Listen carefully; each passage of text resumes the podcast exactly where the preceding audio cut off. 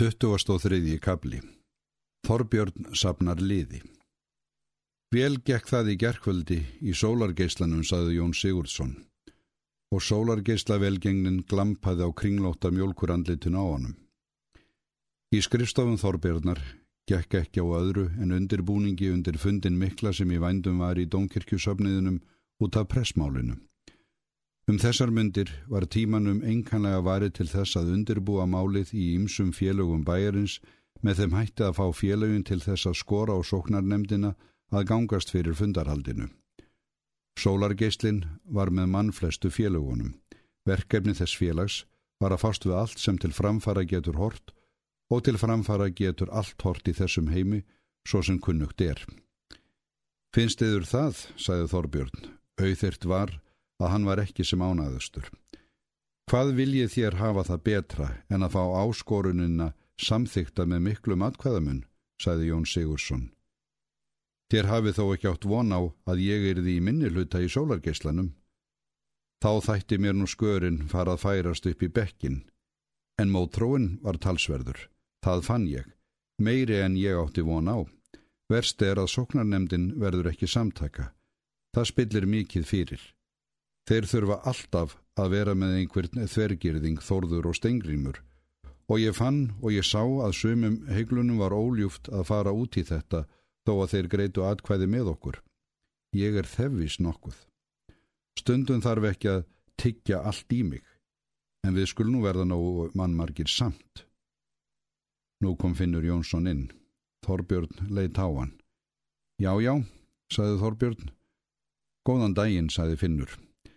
Mér sínist þú eitthvað svo fíldur á svipin, saði Jón Sigurdsson. Finnur leitt á solskins andlitið á Jóni Sigurdsinni og því næst á langa bilið millir fótan af honum.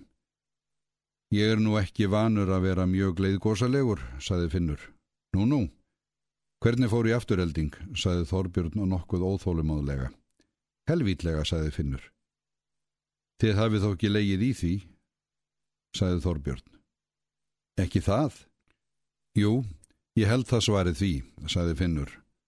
Þorbjörn förðaði mjög á þessu. Ég held að í afturhelding vildu nærið því allir fá fundin, mælti hann. Það hafði þér sagt mér. Já, þeir vildu það líka nærið því allir, þegar þeir fóru á fundin. Ekki að því að þeir væru allir með yður, en þeir heldu að þessi sapnaðarfundur erði skemmtilegur. Þeir sögðu nú sumur að presturinn myndi vera piltur sem gæti komið fyrir sér orði ef honum lagi á og hann myndi láta yður hafa það óþvegið. Þess vegna vildu þeir fá sapnaðarfundin. Það er líka merkilegt að skilja mig einan eftir í þessum vargakjöftum, sæði Finnur með gremju. Ég var líka að hugsa um að ég hefði átt að fara þangað, sæði Jón Sigursson. Ætli það hafi ekki líka munað um það, sæði Finnur háðslega. En ef kaupmaðurinn hérna hefði komið eða áskrimur Bjarnason, hann hefði átt að ganga inn í félagið á undan. Við getum ekki allstaðar verið, sagði Þorbjörn. En hvernig atvikaðist þetta að þeim snýrist hugur? Það var allt saman yfirdómarunum að kenna. Hvaða yfirdómara, spurði Þorbjörn. Honum Þorgrimi Jónssoni? Þeir urðu í meira lagi forviða. Þorgrimur Jónsson sem aldrei hefur komið á nokkur fund og aldrei opnar sinn kæft ef hann kemur nokkur staðar, sagði Þorbjörn. Þorgrymur Jónsson sem allt vil leiða hjá sér og lítur á alla skapaða hluti með fyrirlitning. Hvað vil hann vera að sletta sér fram í þetta? Og hvað sagði hann? Það man ég ekki, sagði Finnur, en ég man það að hann gerði háð að þessu öllu. Hvernig þá? spyrði Þorbjörn. Það man ég nú ekki vel. Hann let sem hann væri með okkur. Hann let sem hann væri stór gladur út af þessari siðgæðis og trúaröldu sem nú færum bæin og menn hlóu og sömur skömmuðu mig eins og hund. Ég geri þetta ekki oftar. Þess þarf nú væntanlega ekki finnur minn, sagði Þorbjörn og við skulum hafa það hvernig sem þeir láta. Jón Sigursson spurði hvort næga ráðstafanir hefði verið gerðar til þess að sapna liði með kvennfólkinu. Ekki enn, sagði Þorbjörn, Ráðstafanirnar eru að enguleiti nægar enn kvorki með körlum nýju konum en við eigum líka eftir nokkra daga. Og nú var tekið að tilnefna atkvæðasmala og skipta bæjarbúum í smáflokka. Þegar inn í skuggakverfið kom, hugkvæmdist Þorbirni Ingibjörg Vaskerling. Hún myndi vera hendug við sumt kotafólkið. Hún þekkir alla og hún er eina mestu málskrafskjóðum bæjarins, saði Þorbjörn. Ég veit hvað hirtum að presturinn hafi verið góður við grímsa hennar, saði Jón Sigursson. Hvað gerir það til? Ekki eru nokkur lakari fyrir það, saði Þorbjörn. Og við látum einskis og freistað. Ég trúi því ítla að Ingebjörg verði ekki með mér. Gestirnir kvöttu og heldu út í bæin til þess abla frekara fylgis og Þorbjörn var þeitn eftir í skrifstofu sinni. Hann let kalla á vikadrengsinn, sagðu honum að fara tafarlust og finna Ingibjörgu, hvar sem hún væri og koma með hana, hvað sem hún væri að gera. Hann skildi skila frá sér að hann þyrta að finna hana undir eins. Drengurinn þau tút og eftir dálitla stund kom hann aftur með Ingibjörgu kafrjóða, lavmóða og brosandi út undir eiru. Já, nú ber eitthvað nýra við kaupmaður minn góður, að þér farið að senda eftir mér. Ég var að bera við frá sjónum hérnin í skuggakverfinu og ég var búin að lifta upp öðrum endanum á plánkanum og hún gróa pétus öðrum og þá fekk ég bóðin frá yður og ég get ekki sannara orð talað en að þá lagði ég minn enda undir eins niður á sama augabræði og ég afsagði algerlega þverneitaði að lifta honum upp aftur fyrir en ég var í búin að finna yður og ég kom svona eins og ég stóð, eins og þér sjáuð. Var ekki að hafa neina sveiblur á því, heldur fór svona rakleiðis með drengnum. Þér eruð ekki vanur að taka til þess eins og sumir hinnir höfðingjarnir, þó að fátæklingarnir séu ekki alltaf prúðbúnir. Þér eruð vanur að skilja það að þeir þurfa að bjarga sér, greikin, og að menn ber ekki vatn og kól og við í silkiskjólum. Og Ingi-Björg leit á druslur sem hengu niður úr óhreinu pilsinu og þínast leitt hún á olbogagat sem var á treyjunni svo að skein í skirtuna. Já, ég skil það, saði Þorbjörn. Geri þið svo vel að fáiðu sæti. Ég held að ég sé nú ítla til höfða að fara að setjast hérna hjá yður, saði Yngibjörg, en ég þakkaðu samt fyrir ljúmennskuna. Og Yngibjörg settist niður. Það er verið að tala um að halda sapnaðarfund, mælti Þorbjörn. Sóknarnemdin er að fá áskoranir um það úr öllum áttum. Ingi-Björg starði á hann. Hún skildi ekki hvað henni gæti komið við fundarhöld Þorbjarnar, en hún sagði ekkert. Við látum allar konur fá atkvæði sér eftir á fundinum, sagði Þorbjörn. Ekki eru trúarbröðin þeim minna en okkur karlmannunum. Það segi þið satt, og þetta líki stiður að hugsa um okkur. Ég hef líka alltaf sagt það að þér séðu frjálslindasti maðurinn hér í bæ. Viti þér um hvað fundurinn verður? Ekki veiti það nú vel, en ég veit hvað hirt minnst á hans sér að Þorvald. Ég vonað hvern fólkið noti sér atkvæðisréttin þegar það loksins fær hann. Það gerir það sjálfsagt, saði Ingi Björg. En hún horfið út til loftið og málrómurinn var líkastur því sem þetta kæmi henni alls ekkert við. Þér komið náttúrulega á fundin, Ingi Björg. Ég? Nei, þá færi nú flestir sótræftar að verða á sjó dregnir ef ég fær að fara á fund. Þangað hef ég aldrei komið á æfi minni. Ég er ekki einu sinni í templarafélaginu. Ég að fara á fund? Og Ingi Björg hló hátt að fjärstæðunni. Þorbjörn benti henni á að einu sinni það allt fyrst. Og Ingi Björg bað hann blessaðan að vera ekki að gera háðað sér. Þér gerir þetta fyrir mig, Ingi Björg, saði Þorbjörn og var alvöruð þungi rómnum. Geri hvað? spurði Ingi Björg.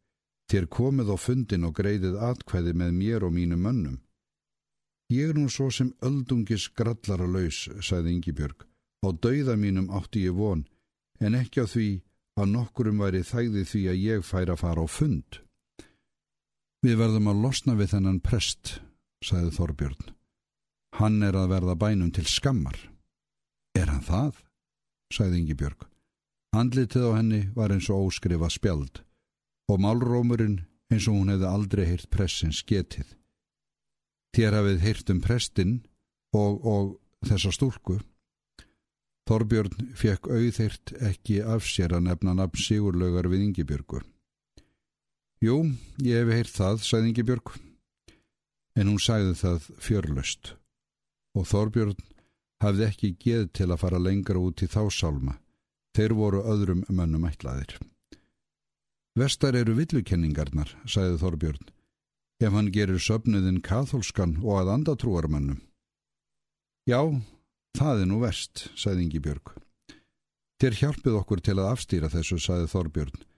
Þessi gífurlega hugssjón komst ekki fyrir í heila hennar, að hún ætti að sjá um trúarbröð Reykjavíkur manna. Ég, sagði hún, hverja á ég að afstýra?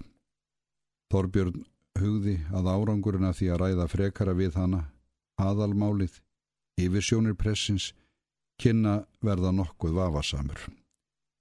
Það var sínilega fyrðu örðut að fá Ingi Björgu til þess að sinna þeim nokkuð, svoðu honum þótti ráðlegast að halda eftir annari leið. Finnst þiður höfðingjarnir eigi að ráða öllu í þessum bæ? Nei, sagði Ingi Björg og færiðis nú fjöri hérna, eitt hvað öðru nær. Og þess vegna hef ég alltaf sagt það og nú síðast við hann að grófu Pétus í gerðdag, nýji fyrradag var það. Ekki vil ég fara ránt með, þó að ímislegt megin og að mér finna. Ég þól ekki fólk sem fer ránt með. Ég segi bara við það sér svona, aðtuga gjarn og orð var sért eins og stendur í Hallgrímsálfum. Eru þér ekki svo gerðu líka, kaupmaður góður? Jú, hvað sögðu þér þá við grófu Pétus? Við gróðu Pétus? Já, það er alveg satt. Ég var nú alveg búin að gleima því. Ég sagði við hana að mikið megum við vera þeim þakklátt sem sjáum að höfningarnir tróð ekki alþjóðuna alveg niður í skítin. Jæja, þarna sjáu þér, sagði Þorbjörn. Þarna á að verða barátt að milli höfningjana og alþjóðunar. Ekki þarfa því að spyrja. Höfningarnir verða með prestinum. Já, einmitt það, sagði Ingi Björg. Nú var sama fjörleysið komið og andlitið aftur og Ingi Björg var farin að horfa út til loftið eins og áður. Þér verði þá með okkur, sagði Þorbjörn. Þér geti því nú nærri. Ég hefi æfinlega verið með yður í öllu. Og komið þá á fundin? Ég? Nei, á fund fer ég ekki. Reykvikingar geta fengið annað að hlæjað en mér á fundi. Hún er hálens og all kerlingar fjandin, sagði Þorbjörn við sjálfan sig. Hann sá að enn varða sveia af leið. Ég er ekki vanur því, mælti hann fremur ástúðlega, en af auð heyrðri alvöru samt að telja það eftir þó að ég kunna gera einhverjum smá greiða. Það er nú svona, eins og þér vitið Ingebjörg, að allt hefur ekki æfinlega verið fært til reiknings sem þér hafi fengið hérna í búðinni þegar yður hefur leið mest á og það gæti farið svo að einhverju smáminur yrðu ekki færðir til reiknings eftirleiðis. Þorbjörn sá að nú var Ingebjörg farin að hlusta vandlega og hann gekk á það lægið.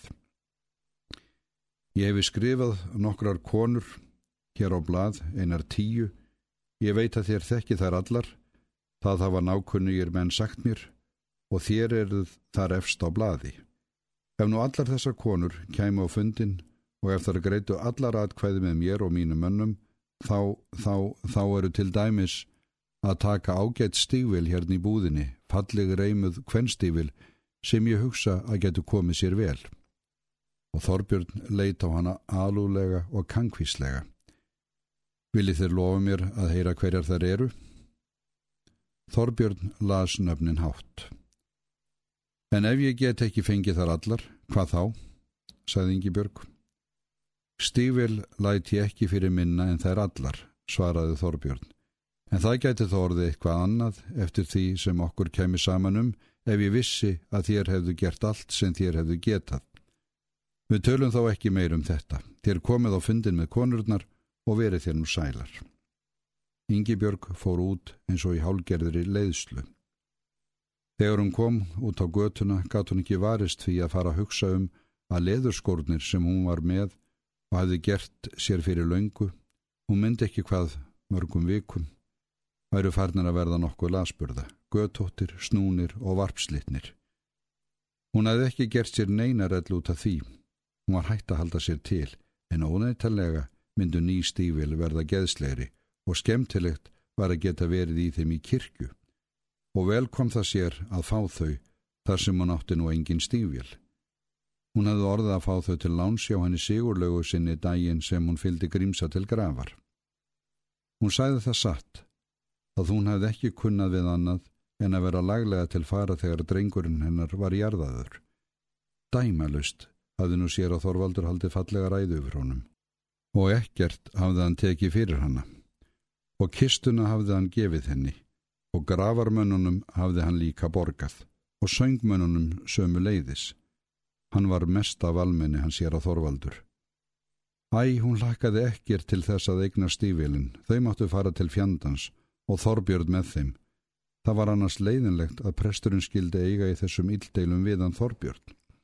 Hvers vegna gáttu þér ekki komið sér saman, þurft að vera að rýfast þetta balvaði rasnarnir. Nú var svo sem auðvitað hvernig þetta myndi fara, að Þorbjörn flæmdi prestin burtu. Hún vissi ekki til þess að Þorbjörni hefði nokkur tíman mistekist neitt sem hann lagði verulegt kapp á. Það var eins og hann gæti allt. Og hvar stóð hún þá? Ætli henni er því mikill stuðningur að prestinum þegar hann væri komin einhvern áran út í buskan og ætli það er því notanlegt fyrir hann að verða fyrir barðun á Þorbjörni þá. Hún gerði sér enga grein þess hvað Þorbjörn myndi gera sér. Hún hugsaði aðeins um það í þóku að hann myndi geta gert og myndi gera sér allt ílt. Hann gæti allt og hún hugsaði sér að láta hann ekki komast undan því, balvaðan að gefa sér stífvelin og það var heldur ekki nokkurt viti því að drepa hendi við nýjum stífvelum þegar þau buðist henni fyrir ekkert og hún átti engin sjálf. Og það þegar sér að Þorvaldur var á förum og Þorbjörn sótti þetta svona líka fast og var til alls búinn.